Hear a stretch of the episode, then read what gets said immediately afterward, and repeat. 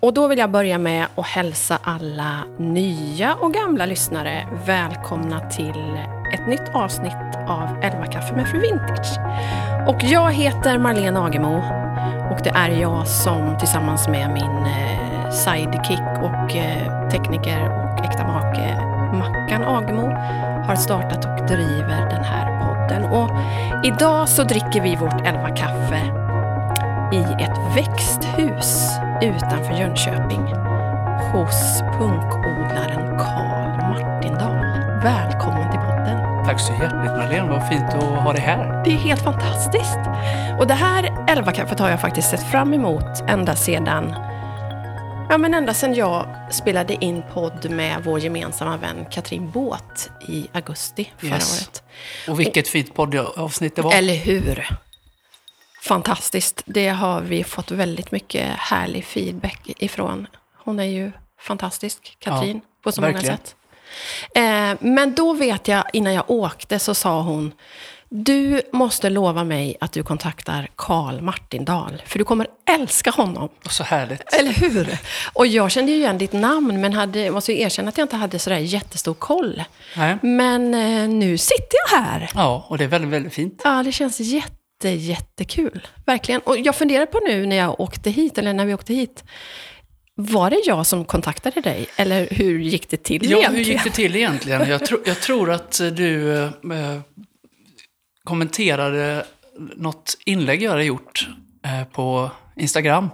Så var det kanske. Jag Och gjorde någon liten trevare där. Blev jag så här, åh, vad, vad kul. Och så kollade jag på dig och så, så såg jag massa saker du hade skrivit som jag gick igång på. Så då fick du några hjärtan och någon kommentar Som tillbaks. till exempel vad då? Berätta. Ja, men det är ju, för det första så tycker jag om bildspråket som du har, det här lite mörka, murriga. Ja, tack. Det attraherar mig. Det är liksom väldigt, väldigt rock'n'roll, om man säger så. Här, vilken Ja. und, det har jag aldrig fått höra, men Nej. tack. Men du förstår vad jag menar. Ja, det gör jag absolut. Och sen så, eh, ja men det blir sådär, då och då så stöter man på någon som, som man blir intresserad av att följa. Och du var en sådan. Och när jag började lyssna på din podd också så blev man ju ganska, eh, ja men nyfiken på dig helt enkelt. Och jag vägen är, det. ännu mer nyfiken på dig. Och jag tänker att det här, jag vet inte om vi kommer att klara det på ett avsnitt. För Vi får se. jag får komma tillbaka annars. Ja, ja. Men alltså det är ju så otroligt mycket intressant kring dig. Och det ska vi strax eh, prata om såklart. Eh, men eh, först, hur har dagen börjat? Hur börjar morgonen hos familjen Martindal? Ja, det är lite olika, men idag började det med en ganska tidig frukost. Och eh, så körde jag mina två guldklimpar till skolan. Hur gamla är de? Min dotter är 11 i år och min son fyller 7 alldeles snart här, så han är 7. Eh, och på vägen hem så stannade jag och köpte lite fikabröd. Och sen kom jag hem och så flyttade jag ut lite plantor i växthuset för första gången i år så att de ska få börja vänja sig vid att vara utanför kåken så att säga. Och det är något jag har sett fram emot, det är ett riktigt vårtecken. verkligen. Och vilken rad med pampiga växter du har, eller plantor. Ja, men Fantastiskt. det, chilin och paprikan har kommit väldigt bra. Tomaterna är fortfarande ganska små och sådär. Men det är njutbart att få den lilla gröna stunden. eh, Få den här odlingsterapin som jag mässar så mycket om. Ja, och det ska vi prata jättemycket om. Kul. Ehm, men, men först, alltså, du är ju en lång rad saker. Artist och musiker, författare, odlare. Eh, och vi ska prata om alla de här olika. Men, men hur vill du själv helst beskriva dig som person? Och det är ju så svårt. Alltså det, det jag identifierar mig som eh, egentligen är väl, om man då bortser från det självklara, människa och far och så vidare, så är det väl eh, låtskrivare och artist. Eh, jag började i offentligheten redan som 12-åring. Ja, men jag läste det någonstans på Söndagsöppet. Ja, där eh, var, var vi med i en tävling som hette Söndagsfestivalen. Mitt lilla band från Bankeryd, The Flying Eagles. Och min första egenskrivna låt, Filippa, tog oss dit och så vann vi en tävling. Och över en natt så var det med buller och bång ut och turnera och wow. spela i tv och sådär. Så det, började tidigt. Men är det något som du har liksom mm, i blodet från familjen? Eller hur, hur kom det sig med musiken? Ja, det kommer väl tydligast från min farmor och farfar som var väldigt musikaliska. Eh, sjöng och spelade många instrument och sjöng stämsång och sådär. Morsan och farsan har väl inte, de är väl inga utövande musiker sådär. Pappa var gammal allsvensk fotbollsspelare och, och morsan har jobbat eh, inom eh, försäljning i butik och sådär. Men nej, det smög sig på ett väldigt stort intresse som började med att jag lärde mig spela, tror jag, Blinka lilla stjärna när jag var så här fyra bast och förstod att jag kan trycka på pianot här hemma hos farmor och farfar och så får jag fram melodin och det liksom klickar något där. Sen började jag väldigt tidigt att sjunga och så fort jag bara kunde ett par ackord så började jag skriva låtar. Eh, och jag visste jättetidigt att eh, jag kanske kallade det för något annat. Jag skulle bli rockstjärna var ju självklart att det var det som skulle hända när jag var sju bast eller sex någonstans. Ja. Ehm, och ja, sen när jag fick den där, eh, ska vi kalla det framgången, så tidigt så fanns det liksom ingen väg tillbaks. Det var, det var, det kändes som att det var hugget i sten och jag bara fortsatte att springa den vägen, Ja. helt enkelt. För du sen har du varit med i Fame Factory, läste jag. Mm. Melodifestivalen. Eh, släppt en massa musik och varit med i flera olika band. Så det här har varit ditt levebröd helt enkelt. Ja, man kan väl säga att eh, redan då, från 12 års ålder och framåt, så, så var det ju ett yrke, även om jag hade skola och sånt eh, såklart. Men från 2003 så har jag ju levt eh, helt och hållet på min musik. Egentligen eh, som enda ben att stå på ända fram till, ja nu hoppar jag långt fram, men, men när jag faktiskt började föreläsa lite och så småningom skrev en bok och började föreläsa mycket. Och eh, upptäckte under mörkret som pandemin la över min bransch att jag har ju ytterligare ett ljuvligt ben att stå på och det är odlingen. En riktig livräddare. Och den ska vi också prata jättemycket om. Ser fram emot. Ja, otroligt spännande. Men innan vi går vidare så vi befinner ju oss i bibelbältet. Visst är du uppvuxen här i krokarna? Är Ja. det Bankeryd som är hem? Jag kom till Bankeryd eh, som nioåring. Min mor är född och uppvuxen här. Min far är bohuslänning, uppvuxen i Strömstad. Eh, och jag var runt lite som, som barn, men kom hit till Bankeryd som nioåring och alltid sedan dess kallat eh, Jönköping för hemma. Men det är inte, liksom, det är inte från den frikyrkliga myllan som din musik... Nej, jag har inte den uppväxten Nej, alls. nej. Eh, Du kan vara bra ändå. ja, det, det var väl skönt. Eh, Nej, men det är ja, ju väldigt många av våra svenska alltså, ja. framgångsrika musiker som, som har vuxit upp i frikyrkan. Det är ju en grogrund för många. Helt klart, det, kyr- kyrka, kyrkliga verksamheten har ju varit, tror jag, en av de största bidragande faktorerna till svenska popundret. Ja. Det och eh, småstadstristessen, tror jag. Det är de två. I någon slags kombination. Ehm, men då måste vi ju reda ut här, när jag har en äkta musiker framför mig. Vad är det med musiker och tid? Att inte kunna Ja. hålla tiden. Jag, alltså vi, Mackan, min man, är ju också gammal musiker. Och när våra barn var små så var vi runt mycket med hans band och turnerade i, i, liksom, runt i Sverige Ja. på festivaler. Och, och det var inte en enda gång under alla de här åren som inte familjen Agemo stod där först och Nej. väntade. Nej, men där är jag faktiskt likadan. Jag är oerhört punktlig. Ja, du är det. Ja, och jag tror, att det, Underbart. jag tror att det började med att en rädsla att komma för sent för att jag vet hur jobbigt det är att själv stå och vänta. Så jag, ett tag när jag var som värst, då var jag liksom 45 minuter i förväg, Ja. alltid. Precis. Eh, Men, men jag tycker det är väldigt viktigt. Och en bra grej med det, som vi har idag, mobiltelefoner och så, det är att man kan faktiskt höra av sig om det är på väg att skita sig och säga att jag blir lite sen. Ja. Men många gör ju inte det. Eller utan som jag gjorde idag. Jag kommer Ja. alldeles för tidigt. Ja, är du det- redo? Jag är alltid redo. Nej, men det, är, det är jättebra. Det här med att passa tider tycker jag är en, det är en fin grej. Ja. Eh, det är en respektfull grej. Jag tycker också det. Jag är fostrad så. Min pappa var ju taliban när det kom till tider. Mm. Ja. Att man skulle, man skulle respektera människors tid. Och, och det sitter så i märgen. Så Mm. skulle det vara något negativt så är det ju att det är ju, jag vågar inte räkna hur många timmar jag har väntat bort av mitt liv. Fast å andra sidan, när du sitter där och väntar och har tråkigt en stund så kan det födas rätt mycket kreativa, Ja. bra grejer. Och jag tror att det är också en grej som människor har blivit så dåliga på att, på att bara ha lite dödtid Ja, och se vart det verkligen. leder. Jag brukar tävla med mig själv när jag får den där dödtiden att inte ta upp mobilen. Det är bra. Utan verkligen eh, ja, men, ge mig själv den stunden. Superklokt. Och, ja, vi behöver det. Oh, inte minst dessa dagar.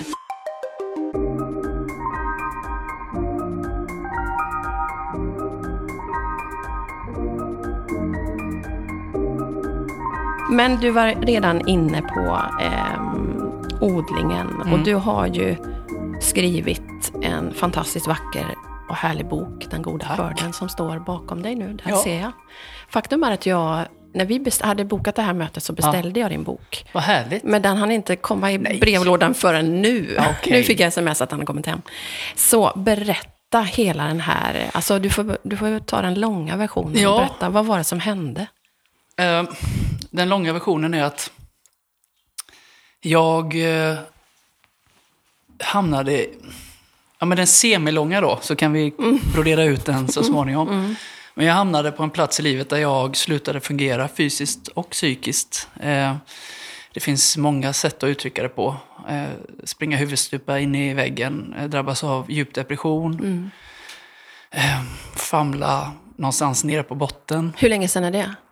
Ja, det är så sjukt luddigt här. För att Ah. det, det, här, det har varit en, som jag förstått senare, att det var en trappa eh, neråt som pågick under några år. Men, men den fullständiga kollapsen kom ju någonstans mm, 2013, 14 där någonstans. Eh, när det blev riktigt, riktigt mörkt. Och jag inte fungerade längre helt enkelt. Och när jag så småningom liksom kunde erkänna för både mig själv och andra, vilket är en jättetröskel att ta sig över, att, att jag mår faktiskt riktigt, riktigt dåligt och det här är ohållbart. Då blev det lite lättare att faktiskt be om hjälp. Och då hade jag en himla tur, för jag fick så himla fin hjälp direkt från sjukvården. Det är inte, har jag förstått alla som får Nej, det. nej. Men jag, jag hade väl gjort någonting rätt för att få lite flax där helt enkelt. Mötte en jättefin läkare som hjälpte mig in i både samtalsterapi och även eh, medicinering. Som, som gav mig chansen att eh, börja jobba med mig själv och aktivt försöka göra någonting eh, konstruktivt. Ja. Och jag tror att det var en sån här grej att jag var tvungen för mig själv och min familj visa att jag vill ju upp. Jag gör allt som krävs liksom. Eh, det var bra, men här någonstans så upptäcker jag att på vår tomt där vi bor står det några pallkragar eh, som en tidigare ägare har lämnat. Och jag vet egentligen inte, för de har ju stått där hela tiden, men jag har inte sett dem eller reflekterat över dem. Och plötsligt så säger de, liksom lockar de på mig och jag, jag får liksom en impuls att jag ska nog odla något. Och jag stegar ner till grannen Handelsträdgården och säger att jag ska odla käk. Ja, ja vad ska du odla för käk? Ja, men bra käk. Något man kan tugga. Något man kan äta. Och i efterhand har jag förstått att jag tror att jag undermedvetet hade bestämt mig för att jag måste göra någonting som jag kan eh, få fram, skörda, sätta på bordet och känna mig väldigt duglig. Liksom. Eh, det kan vara en efterkonstruktion, men, men det är så jag upplever det i alla fall. Så jag började odla lite potatis, lite sallad, lite rädisor och morötter. Och märkte att jag gick dit. Även de sämsta dagarna så fann jag mig stå där och titta vad som har hänt, vattna och börja rå om. Och så kan man väl säga att när det väl var dags för skörd, jag har kommit dit och jag sätter mat på bordet som jag borde ha, både har odlat och lagat, så fick jag enormt eh, påslag av, eh, vad ska vi kalla det, endorfiner. Ja. Jag blev stolt, jättestolt och kände liksom I make my own food. eh, och egentligen så tror jag att den processen var det som läkte mig mest. Jag hittade en naturlig självmedicinering Ja.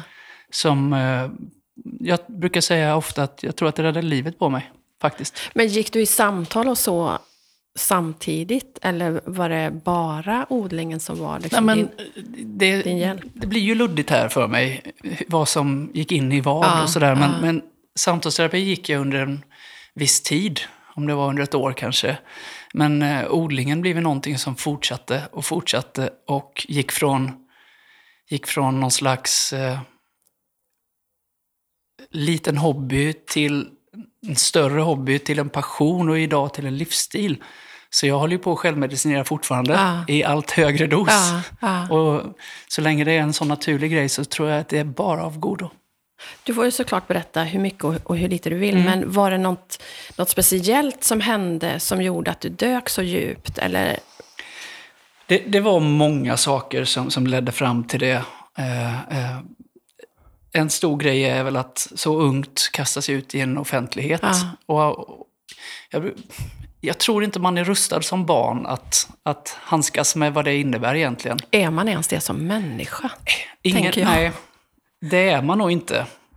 Men eh, där och då när jag var 12, 13, 14 då, då lyste jag av självförtroende och kastade mig huvudstupa in i allting och körde. Jag trivdes som fisken i vattnet alltså. Men man är inte redo att, att hantera vad det innebär gentemot kompisar i skolan eller hur man blir bemött. Och att vara i centrum på det viset. Nej. Eh, eh, Man ska vara lite försiktig med vad man önskar sig för det kan ju slå in.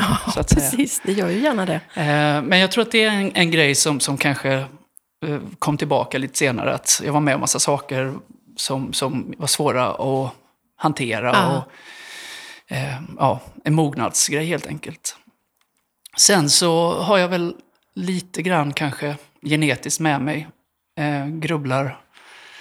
Och det här dåligt mående kan ju komma från så många olika håll. håll. Men eh, jag har alltid haft en, eh, en fot i det mörka och en i det ljusa. Det blir ju ofta bra musik av Det det. blir ju det. Och jag upptäckte i min ungdom att den där panikångesten som jag hade, den, den var ju faktiskt ganska spännande också. För när jag utforskade den så kom det betydligt mer spännande texter och melodier. Och i det mörka fanns någonting väldigt spännande. Och jag tyckte för nog att det var lite som en superkraft då. Eh, Men det är så sorg, alltså när man är tonåring och sådär. Man har i Sverige, de flesta av oss, ganska väl förspänt. Det är en trygg tillvaro. Jag hade en väldigt trygg uppväxt. Då funkade det bra. Men lite längre fram i livet så blev det inte riktigt lika lätt att hantera de där mörka perioderna.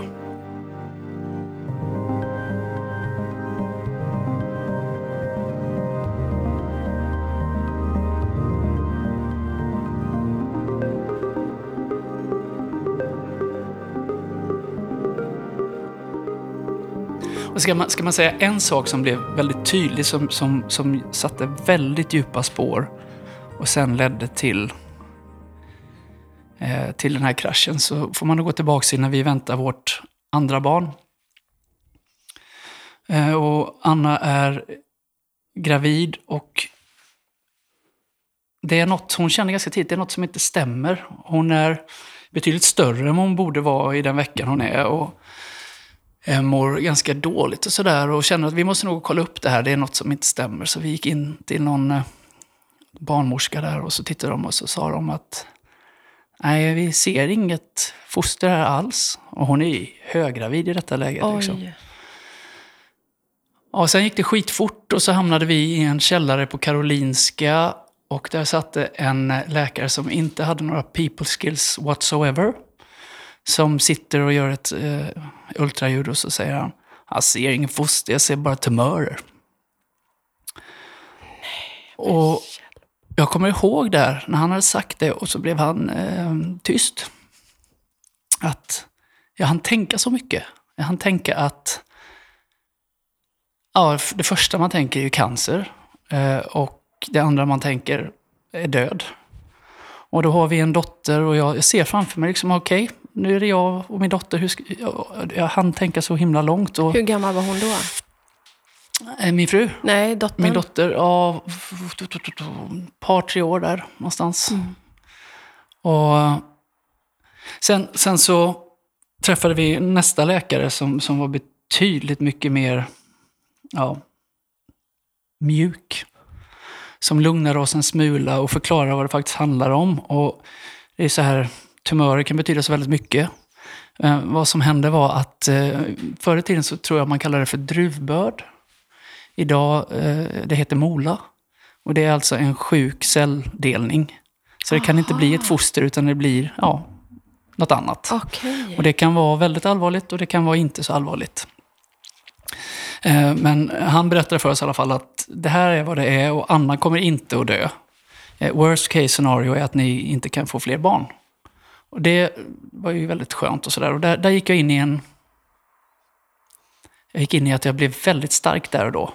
Eh, Jag skulle vara superpappa, superman och klara allting. Hade du redan då känt av liksom det dåliga måendet? Eller hade... Jo, men det har jag ju verkligen. Och det, det skriver jag också om i min bok. Kanske inte sådär djupgående, men att det är något som varit med mig sen, sen så länge jag kan minnas. Ja, det sa du i och för sig. Mm. Eh, med det sagt så har jag alltid varit en sjukt levnadsglad person också. För det är du ju verkligen när Ja, man... men jag har... Jag är tvilling. Jag har allt. Hela spektrat. eh, var som jag minns, det är en sidospår, men jag minns min mamma sa en gång när jag var ganska ung och, och mådde väldigt dåligt. Så, så satte hon upp sina händer så långt isär hon kunde. Och så sa hon, så här brett är normalt. Eh, så om du mår jättedåligt långt till vänster på handen, är du fortfarande inom den skalan. Du behöver inte vara rädd. Vad klokt. Ja, men jag tyckte det var klokt. Ja, Men jag kan säga att jag vet hur det ser ut utanför skalan också. Ja. Senare. Nu tappade jag spåret. Var var vi? Vi var eh, på sjukhuset där ni ändå fick veta Ja, det. att det inte var död. Just det. Och då, då var det så här att eh, jag tror det tar ett år ungefär från det beskedet tills Anna är färdigbehandlad. Ganska många återbesök Oj. och eh, tester och allt vad det är. Och i den vevan har vi flyttat hit också. Och hittat Från det här. Stockholm? Ja, Ja. från Stockholm till Jönköping, till vårt drömhus. Eh, och här brukar jag snacka om att här ser livet så perfekt ut på papper. Eh, jag återkommer till det, men så småningom får vi beskedet att du är frisk Anna och ni ska ha samma chans som alla andra att skaffa barn om ni vill. Och Anna kickar igång det. Då ska vi ha barn. Det var liksom en sån enorm instinkt, instinkt som, som kom där. Och jag tror, alltså vi blev gravida direkt där. Och även då kände jag mig så superstark. Eh, Anna var lite orolig eh, med det bagaget. Sådär, Ja, och, såklart. och jag bar och jag kände att det finns ingenting som jag inte klarar. Men någonstans eh, till slut när vår mirakelpojk föddes och vi såg att han var frisk och lyckan bara låg emot oss med vårt hem och familjen komplett och ja, karriären gick bra och allting. Där kollapsade jag helt. Där var det stopp. Och det började så märkligt, eller egentligen så började det, det började långt tidigare med att jag, min kropp sa massa saker till mig som jag inte lyssnade på. Eh, små smärtor. Jag sökte läkarvård ganska många gånger för ledvärk och svullna fingrar och ja. En gång så var jag där och sa, "Ja, jag vet att jag har testikelcancer, du måste undersöka mig. Men jag hade ju inte det, jag hade, var ju aldrig något som var fel. Men till slut så kom vi till en punkt när jag stod vid disken och inte visste hur man diskar. Jag kunde inte, jag kunde inte diska längre. Och Anna sa till mig att du syns att det är något som inte stämmer. Du får gå, gå och lägga dig lite och vila. Och när jag skulle ta mig upp till vårt sovrum så kom jag till trappan och förstod inte hur man gick i en trappa. Så där någonstans, Men, där någonstans så, så var det stopp. Och sen har jag slitit för att ta mig dit där jag är idag, därifrån. Och den vägen har varit krokig.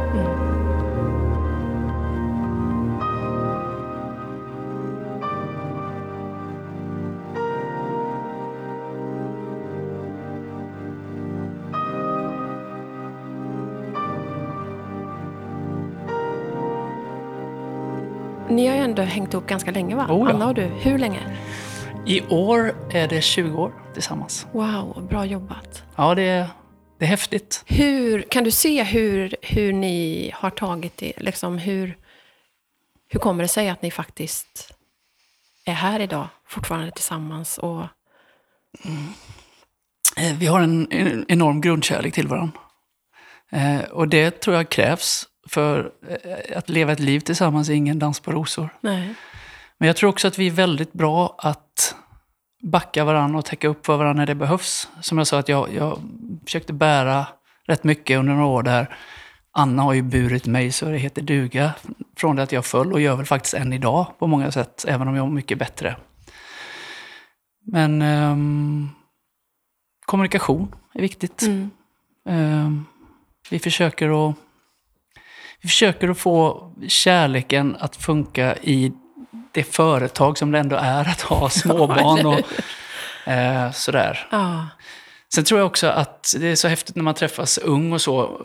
Många, många är ju eld och lågor och passionerade när de är unga och så kommer det klassiska att man växer isär, Ja. som, som jag har hört många säga i din Ja. podd, uttrycka sig så.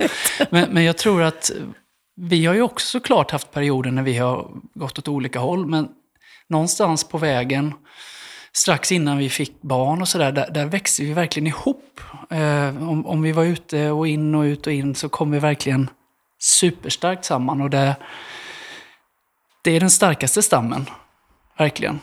Men håller du med mig i att det någonstans, medvetet eller omedvetet, är ett val man gör? För jag tror att du syftar på det att jag, jag kan ju bli... Alltså jag gillar inte alls det uttrycket att man växer isär. Nej, jag förstår. På ett sätt som att, och hoppsan, det bara hände. Mm, Utan någonstans på vägen gör man ju en massa val absolut. som antingen leder till att vi växer ihop Mm. eller att, att vi växer isär. Men det är ju aldrig någonting som bara händer. Eller? Alltså jag, jag tror att det är svårt att generalisera där. Ja, men, men, jag håller nog med dig att, att det är ett, ett aktivt val att vårda sin kärlek. Ja. Absolut. Och jag tror också att mm, många går vilse i att det är lätt att gå isär. Och jag tror att det blir väldigt många eh, ensamma själar där ute. Det vet ju jag, när man har kämpat tillsammans i medgång och motgång så är det ju en grund som är eh, svårslagen. Det är någon som man litar fullt på, någon som kan ens sämsta skit och ens bästa bra. Mm, liksom. mm. Det är värt hur mycket som helst. Ja. Hur tycker jag. gamla var ni när ni träffades? Eh, jag var 21 ungefär och Anna var väl 19 någonstans. Mm. Så det var väldigt tidigt. Vi var ju kids. Och nu är vi, Ja, vad är ni Äldre. nu? vi är äldre. Ja, men jag skulle inte vilja... Jag kan inte tänka mig livet utan min fru. Fantastiskt, vad fint att höra. Hur gör ni idag då för att, att fortsätta vårda eran, eller punkodla eran kärlek? Nej, men det är ju sjukt svårt. Det är ju en pandemi. Vi har liksom inga barnvaktsmöjligheter och sådär. Så det är svårt att göra date nights och sådär. Men vi försöker väl att göra vårt absolut bästa för att eh, alla i familjen ska få må så bra som möjligt. Och det fina med den här pandemin är att vi har ju spenderat mer tid tillsammans och gjort eh, mer, framförallt utomhusaktiviteter ihop. Eh, och det blir en kvalitetstid som man kanske inte fick i, när ekorrhjulet snurrade Nej. som det gjorde innan. Nej. Men eh, ja, nej men vi gör så gott vi kan. Och det tror jag de flesta gör just Ja, nu. verkligen. Verkligen. Men du, eh, det här med odlingen då, det är ju, tror jag, ingen ovanlig eh, må bra-sak som folk tar till. Men Nej. därifrån till att faktiskt ge ut en bok. Just det, nu hittar du tillbaka till tråden där. Jajamän, det är jag Eh, bra på, vet du. Nej, men när det har gått några år och jag märkte att eh, odlingen verkligen hade varit en sån, gjort en sån skillnad i mitt liv. Så eh, tror jag egentligen, när poletten föll ner, att jag borde göra någonting mer med det. Det var när, när jag hade kommit in en kylig höstdag och allt såg trist ut här ute i trädgården. Och så sa Anna, vad tydligt det blir Kalle, att när det vissnar i landet så vissnar även du en smula. Och då blev det så himla tydligt för mig vad, vad odlingen betyder för mig. Och hur bra jag mår när jag är i det. Eh, och eh, jag bestämde mig för att jag borde nog dela med mig av det här. Och man ska veta att jag trodde att jag var ganska ensam om att upptäcka det här fantastiska som odling är. Jag tror det var jag och ett gäng tanter på någon kolonilott. Hänger inte du på Instagram? Alltså? Nej, men jag gjorde inte det så mycket när jag, när jag var sjuk. Eh, det är en grej som, eh, som helt klart är en trigger för mig. Ja. Sociala medier, det är, jag har svårt att hantera det. Eh, Det går bättre nu. Men så jag bestämde mig för att jag ska, jag ska, lika jobbigt som det är att prata om min resa och mitt mående, lika viktigt känns det att kunna hjälpa någon som är på botten som jag var och kanske ge en strimma hopp och, Och så hade jag samlat på mig en väldig massa kunskap. Så jag, så jag kände en sån brinnande lust att dela med mig och göra något positivt av det väldigt negativa jag upplevt. Mm. Så jag sålde in min idé till, en, till ett bokförlag och de gick igång. Och det är så häftigt det här med hur saker och ting fungerar. Eh, fotografen Anna Holland som har tagit alla bilder i boken. Hon och jag började ta bilder i min trädgård ett och ett halvt, två år innan boken gjordes. Som om vi förberedde oss för en bok. Men det fanns inte ens en tanke om en bok då. Ah, wow. Så vi hade en massa material. Och det, allting, allting bara helt sömlöst, så bara vävde saker ihop. Och det kändes så självklart. Och det visade sig vara ett enormt fint terapiarbete att skriva också. Jag har ju alltid skrivit, men jag har skrivit väldigt korta berättelser i låtform. Nu fick jag berätta med mycket större penseldrag. Och jag njöt av den resan. Eh, ibland var det väldigt tufft när man skulle gräva i gamla minnen och sådär, men otroligt skön, kreativ eh, lust fick jag.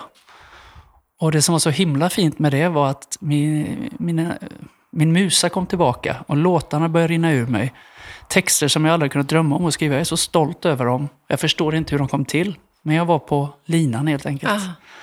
Eh, och jag skrev den här boken och den kom så småningom ut och jag är så otroligt stolt över att ha vågat göra det och faktiskt leverera något som jag tycker är väldigt fint.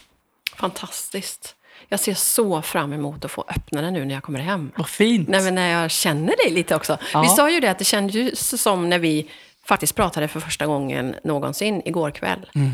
Att eh, det var som att prata med en gammal vän. Ja, verkligen. Verkligen. Det var, flöt oerhört lätt att prata. Ja. Och, och jag, jag sa- satt och tänkte sen, men har vi inte träffats ändå? För jag, jag började liksom leta efter situationer vi skulle kunna ha sett, men jag tror bara vi har sett digitalt Ja, jag tror faktiskt också det. Eh, men tillbaka till det digitala då, när Mm. du för in det på det. Att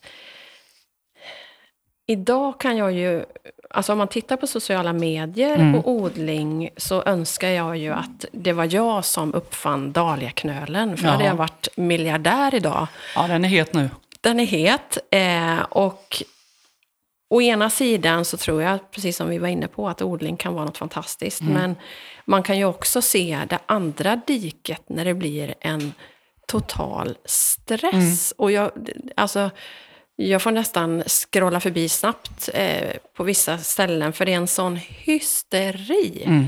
Och café och läknölen är slut överallt och den och den luktärten. Hur gör du för att, för att hålla liksom den här sunda balansen? Eller?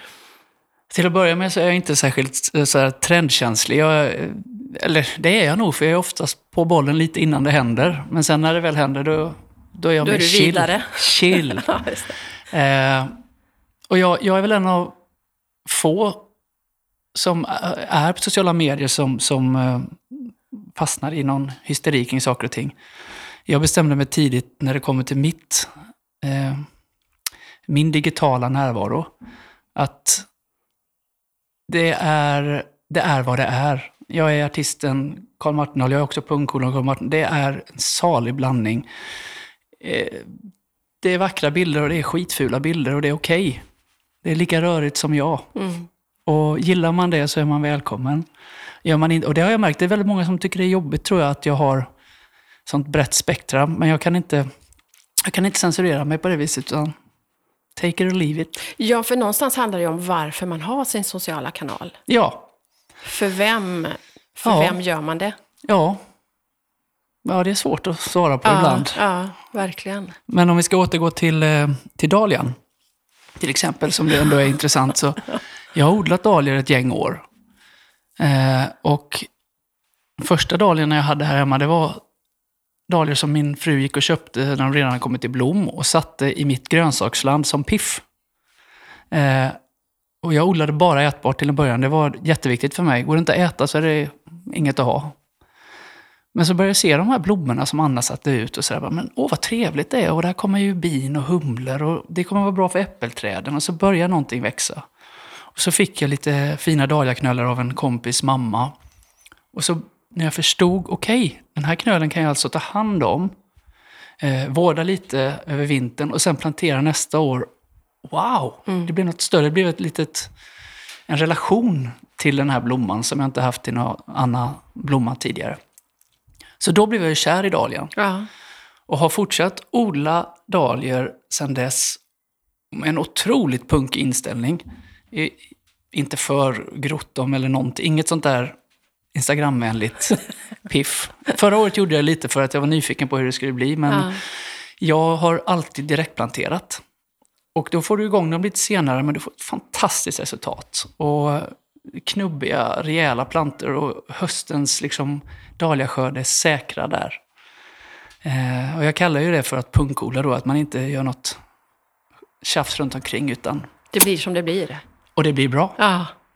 Jag har till och med klyvt stora dahliaknölar med en spade rakt igenom för att dela innan jag visste bättre hur man delar dahlior. Och det har inte tagit någon skada, det har vuxit så det knakar om det. Underbart. Eh, och eh, förra året så, så på vårkanten, jag hade världens... Alltså jag hade sånt höjdarår på pappret med mitt jobb. Med föreläsningar och, och turnéer och gig. Eh, mitt bästa år sedan jag startade egentligen. Det var året när jag skulle skörda allt som jag hade sått. Ja. Eh, och hopp, hoppfullheten som jag hade in i 2020 var så, ja, det går nästan inte att förklara hur bra det här året såg ut. Men, men jag upplever att det var så för så många. Ja, jag tror att många kände att this is the year. Ja, eller hur? Ja, och då, då ska man veta också att jag har ju då kämpat mig upp från den där platsen för några år sedan när jag var så himla sjuk. Och gjort allt det här kreativa som har varit ganska uttömmande med boken och eh, jag skrev ju massa nya låtar som jag släppte i samband med boken.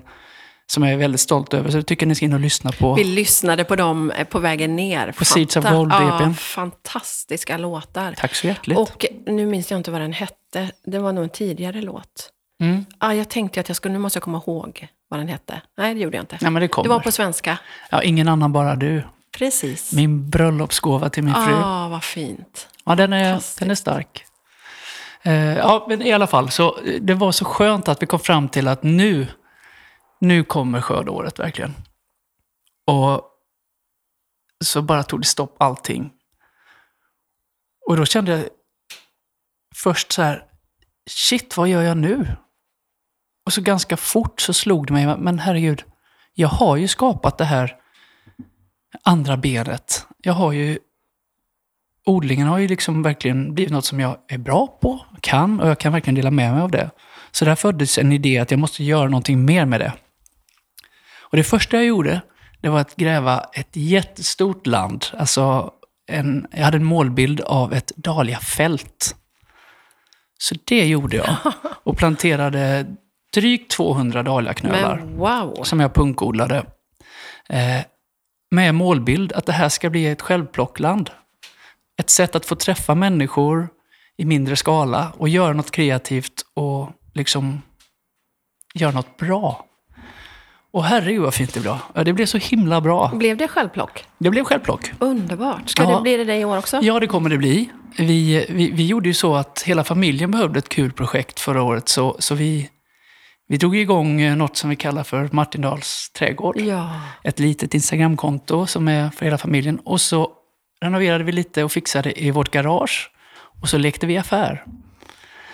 Eh, för jag fick ju tid också att göra, eftersom jag inte var ute och giggade så mycket, så jag hade ju tid, jag odlade ju kopiösa mängder och vi insåg ganska fort vi kommer inte äta upp allt det här. Så vi gjorde en liten gårdsbutik helt enkelt. Åh, ljuvligt. Mm. Och så när solen sken så kommunicerade vi, eller när vi visste att det skulle bli en fin dag, så kommunicerade vi via sociala medier då att idag är det öppet i gårdsbutiken, kom gärna förbi och köp lite grönsaker och plocka lite blommor och häng. Och det, det, var, det var guldkant faktiskt. Så det tänker jag att vi ska göra i år också. Gillar de odlingen, barnen?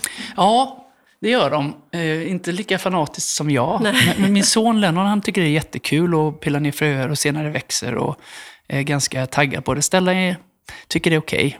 Eh, hela familjen älskar ju att skörda och käka och, Ja, men det är klart. och sådär.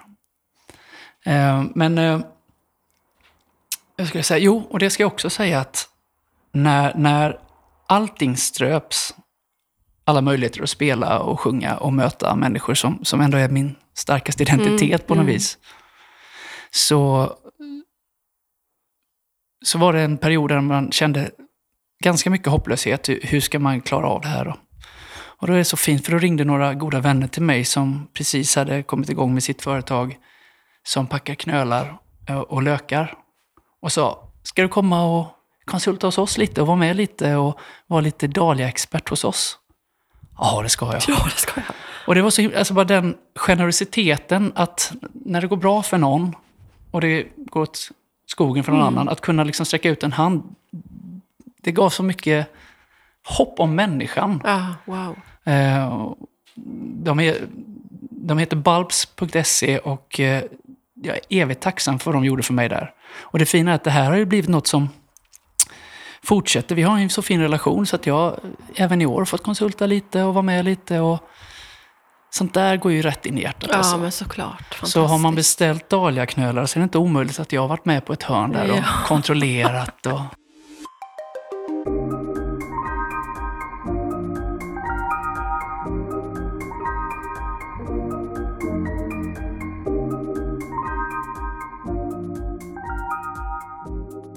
Men du, nu när du har chansen, Mm. vad säger du till, till mig för att, att odlingsfrälsa en helt... O, jag ska inte säga att jag är ointresserad, jag tror att jag är för bekväm. Mm. Jag kan vara... I, det blir inga dahliga hav ens liksom, i tanken, men jag kan ju vara lite hoppfull sådär på våren. Mm. Men sen ska ju eländet skötas. Och i mitt fall så hamnade jag ju där att jag vill sköta det, för jag märker att jag mår bra av Ja. det. Men, men det är ju flera jag har haft, jag har ju lite workshops, eh, punkodlar-workshops när jag kommer hem till folk eller om de kommer hit till mig. Eh, och en del som jag träffar är ju verkligen sugna på att göra som du säger, ha det men inte behöva sköta det. Och det finns ju saker som är jättelätta, som sköter sig själva. Jag kan säga, en av de absolut enklaste grejer du kan odla, om du nu tycker om det, eh, jordärtskockor. Du sätter dem en gång i en pallkrage eller en låda eller ett friland och sen så har du det för alltid. Ja, de återkommer. Ja, men de sprider ut sig, alltså du blir aldrig av med dem. Det kan vara jobbigt om man har satt dem på fel ställe. Ja. Men där har du en sak som växer upp som en jättevacker höstblomma. Eller du har en stor grön växt upp mot tre meter eh, under sommaren som är jättefin. Kan göra det som en häck. Sen får du små gula, eller vad du nu har för färg på dem, eh, solrosliknande små blommor på hösten. Och sen så kan du skörda och käka eh, skockorna så småningom. Enkelt att odla, noll insats egentligen. Moder Natur kommer sköta allting vad gäller väta och allt. Eh, sen så tycker jag att lyxen är att ha sin egen potatis. Jag tycker att alla skulle ha en potatistäppa och har man inte möjlighet att odla i sin trädgård utan man har en balkong eller något så kan man odla potatis i en liten hink. Superenkelt och ett sätt att bara ha någonting schysst som man har drivit upp själv. Mm. Och kommer vi till blommor, alltså, gör som jag. Har du en plätt över någonstans, sätt ner en dahliaknöl och se vad som händer. Det värsta som kan hända är att det inte funkar. Det bästa som kan hända är att du får något otroligt vackert. Och sen, eh, jag är väldigt förtjust i, i vallmo. Ah, Och förra året hade jag kopiösa mängder vackra vallmo i min trädgård och har sparat massa kapslar av dem. Men det roliga är att jag planterade aldrig vallmo. Utan jag hade från en eh, workshop som jag hade ihop med Katrin Båt, eh, rekvisita, en sån här vallmo-kapsel. just det. Eh, som det var ett hål i. Så när jag var ute och gick så råkade den strössla ut. Och fick så mycket från de här fröna. Mängder. Wow. Noll insats, maximal outcome. Ja, men det låter som... Så kör. Vallmo, ut med det överallt. Och har du ett land som du vill ska bli vackert så kan du köpa en fröpåse med sommarblommor. Och få en liten ängsfeeling. Alltså, gör det lätt. Mm. Eh, Det är lite det jag försöker att, att preacha när det kommer till odling. Att låt det vara lustfyllt, låt det vara lätt. Och sen se vart det leder dig. Kanske blir du som jag, eh, tokfrälst och står och pysslar om minsta lilla planta och snackar med den och lägger kopiösa timmar tid på att faktiskt njuta av att vara i det. Det är ju det är små bebisar för mig. Ja. Och så är det väl. Jag, jag vill tillägga att jag vill inte alls liksom raljera över eh, blomsterglädjen. Mm. Eh, inte heller på sociala medier. Det är väl mer det här, och det handlar inte bara om blommor, utan att vi, vi har så lätt att liksom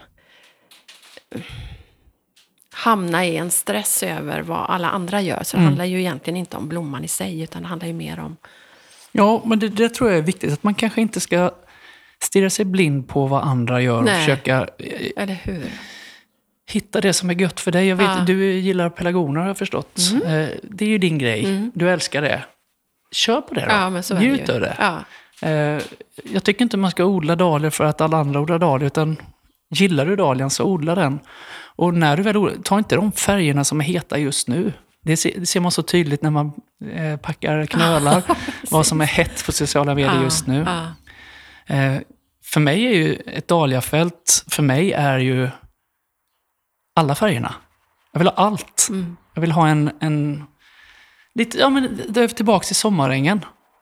Allt ska representeras. Mångfald är bra på något vis. Eller hur? Amen på den. Ja. Men du, tillbaka till barnen. Mm. Eh, förutom odling, vad tycker du är viktigt att skicka med dem ut i livet? ja, det är väl superviktigt för mig att de ska tro på sig själva. Och att de ska... Ja, det, det är så svårt alltså. Jag har ju en massa grundvärderingar som man vill att de ska anamma. Ja, precis. Men hur får man med dem? Ja. Får man med det? Med dem? Jag, tr- jag tror så här att vi kommer göra allt vi kan för att ge den bästa grunden som är möjligt för våra barn. Och så får man acceptera att de faktiskt är egna individer Exakt. och kommer att ta vägar som kanske inte känns helt hundra för oss. Nej, precis. Men eh, jag gillar det som eh, Astrid Lindgren sa. Genom kärlek och mer kärlek så kommer folkvettet av sig själv. Ja. Eller vad hon nu Ja, sa. men Något exakt. liknande. Ja, men precis. Ehm, Vi pratade faktiskt om det senast igår, Mackan och jag. För även om våra barn ju är vuxna nu Mm. så, alltså, så är man ju inte mindre bekymrad, man är inte Nej. mindre engagerad. Det är Nej. bara andra typer av problem Ja. inom situationstecken. Men just det som du är inne på, vi pratade just om det, att, Mm. att faktiskt landa i att ja, men det är deras liv. ja.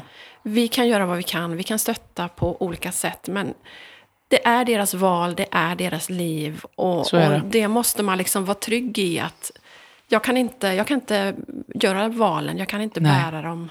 Mer än att, precis som du säger, ge dem kärlek, ge dem tid. Göra sitt allra bästa. Ja, Jag tänkte faktiskt på det när ni pratade i, i din podd med, med din mor och din dotter. Och det poängterar flera gånger att barnen är en gåva. Och absolut håller jag med om det. Man, men jag skulle ta det ännu längre och säga att barnen har vi till låns. ja. Eh, och det är ett enormt, en enorm ynnest och ett enormt ansvar. ja. Eh, och det, alltså det är ganska, jag tror när jag var yngre och tänkte att vi skulle få barn att, att man skulle få oskrivna blad som man själv skriver och, och få fram till att bli den bästa versionen av sig själv på något vis. Men det märkte man ganska fort att så funkar det inte. Nej, De har starka egna personligheter från scratch. Alltså. verkligen. Det är också så tydligt på, vi har en dotter och en son eh, med helt olika personligheter. Jättestarka personligheter båda två. Eh, det var också mindblowing. För man tror när man har fått ett barn att då har man facit på hur det är att vara förälder. Så kommer något annat. Jaha, hur gör man nu då? Det är liksom Ja. never ending Nej, men så är, det är learning. verkligen det. Och som sagt, det hjälper inte att de blir vuxna, jag tror inte det. Nej, Nej, jag märker ju nu att eh, det är redan nu nya problem när de äldsta börjar närma sig tonåren. Här. Ja. Det, är, det är något annat. Ja, det är något annat. Men det tror jag också var någonting som påverkade mig väldigt mycket. Just det här när det slog mig vilket ansvar det är att vara förälder. Det, först var det ashäftigt och som jag sa, I make my own food. Liksom, här är jag, I make my own people-känslan. Liksom. Man känner sig stor och stark och klarar allt. Och, eh, men när det slog mig att men vi har satt de här barnen till världen. Mm. Vi har ansvar. Det var det var stort och det, det tampas jag nog fortfarande med. Jag vaknar då och då och bara, är jag, är jag förälder? Men hur i? Jag är ju riktigt struligt barn själv liksom. Och samtidigt är det ju så fantastiskt. Bästa som Alltså finns. allt man går igenom, eh, det har vi också pratat mycket om den sista tiden, att även om det är perioder när man ser tillbaka, säsonger Mm. som man känner att, som man där då tänkte att vi tar oss inte igenom det här. Mm. Det här kommer inte gå.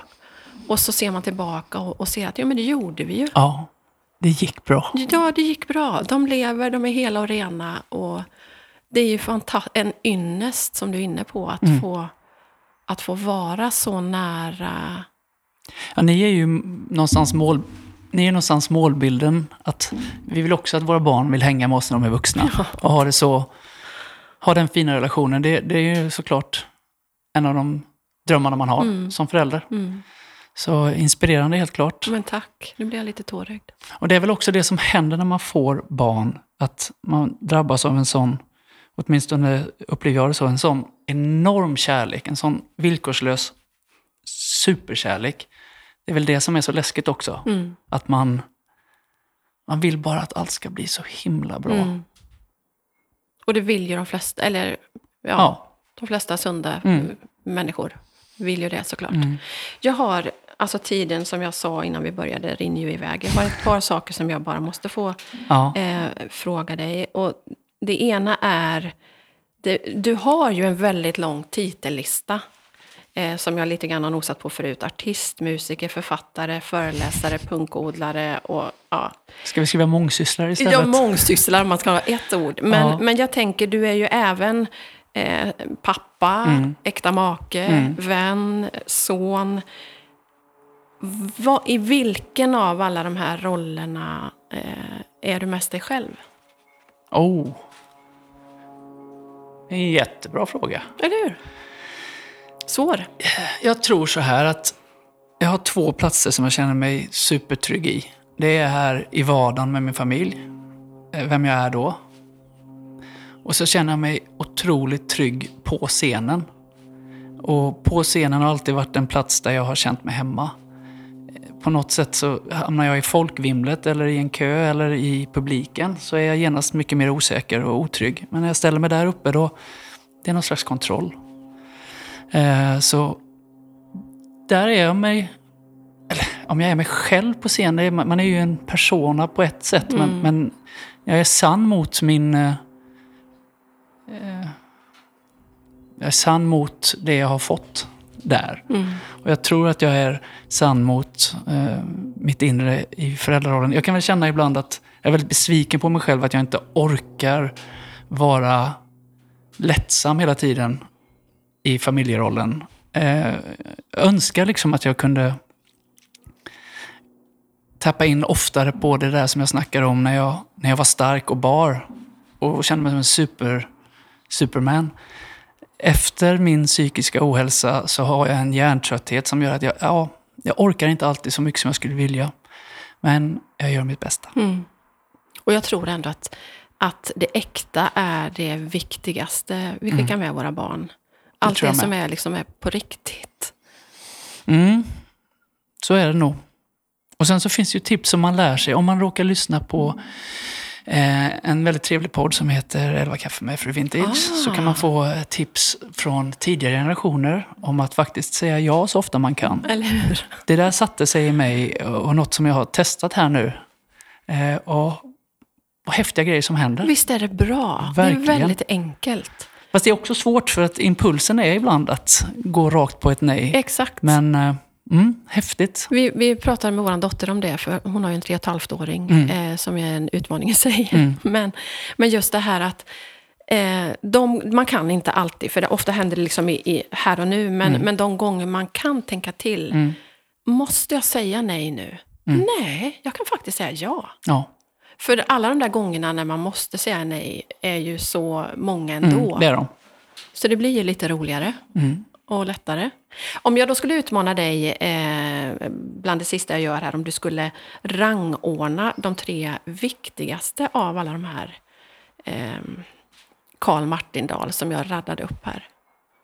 De tre viktigaste. Ja, vilken är, vilken är den viktigaste? Ja, men det, självklart är den viktigaste familjefadern. Alltså det, det är väl den som, som betyder något när allt är över. Sådär. Mm. Och det är väl också där man vill göra ett gott avtryck. Eh, Allra helst.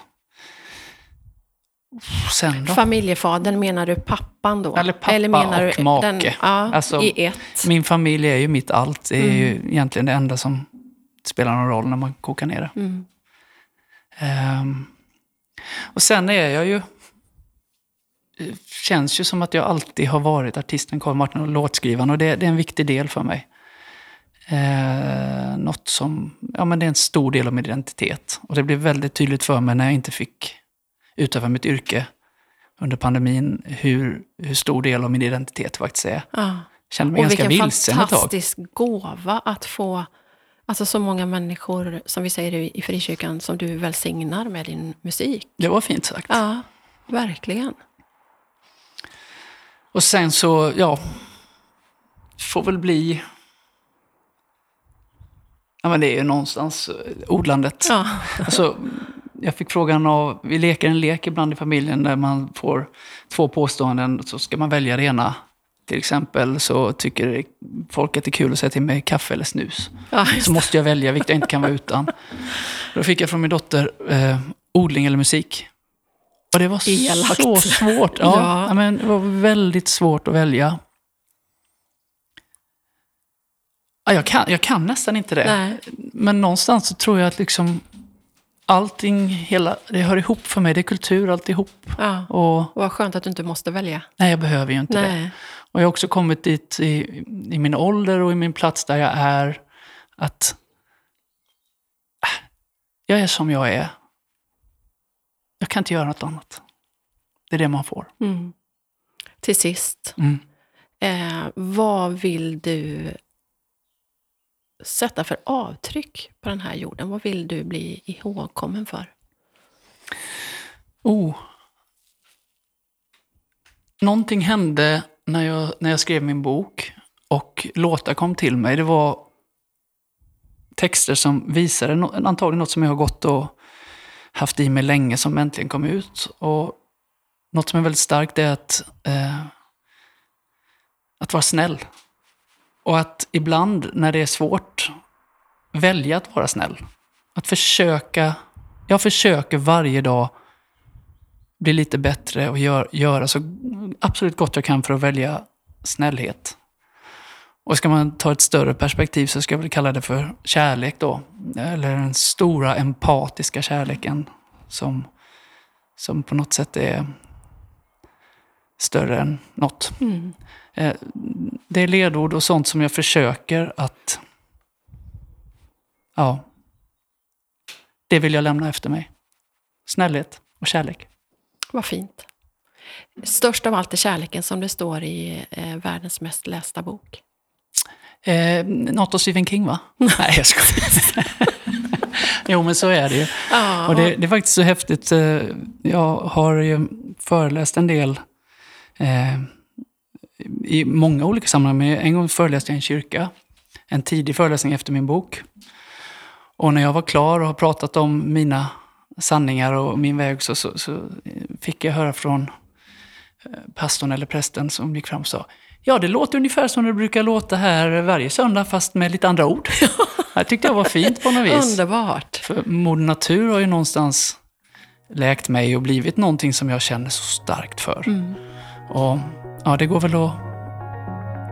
Vad du än tror på så tror jag att någonstans där ligger det någonstans i det stora som inte går att ta på. Ja. Vilken fantastiskt bra avslutning. Tusen, tusen tack, Kalle, för att jag har fått vara här. Och vi kommer att vara sprudlande när vi åker hem i bilen här, Mackan och jag, om en stund. Vilken fantastisk plats. Vilket fantastiskt par ni är, Anna och du. Mm, tack. Jag önskar er allt gott. tack så hemskt mycket Marlene. Det var så Tack. fint att ha dig här. Ja, vi ses snart igen, eller Det hur? gör vi. Hej då! Hej.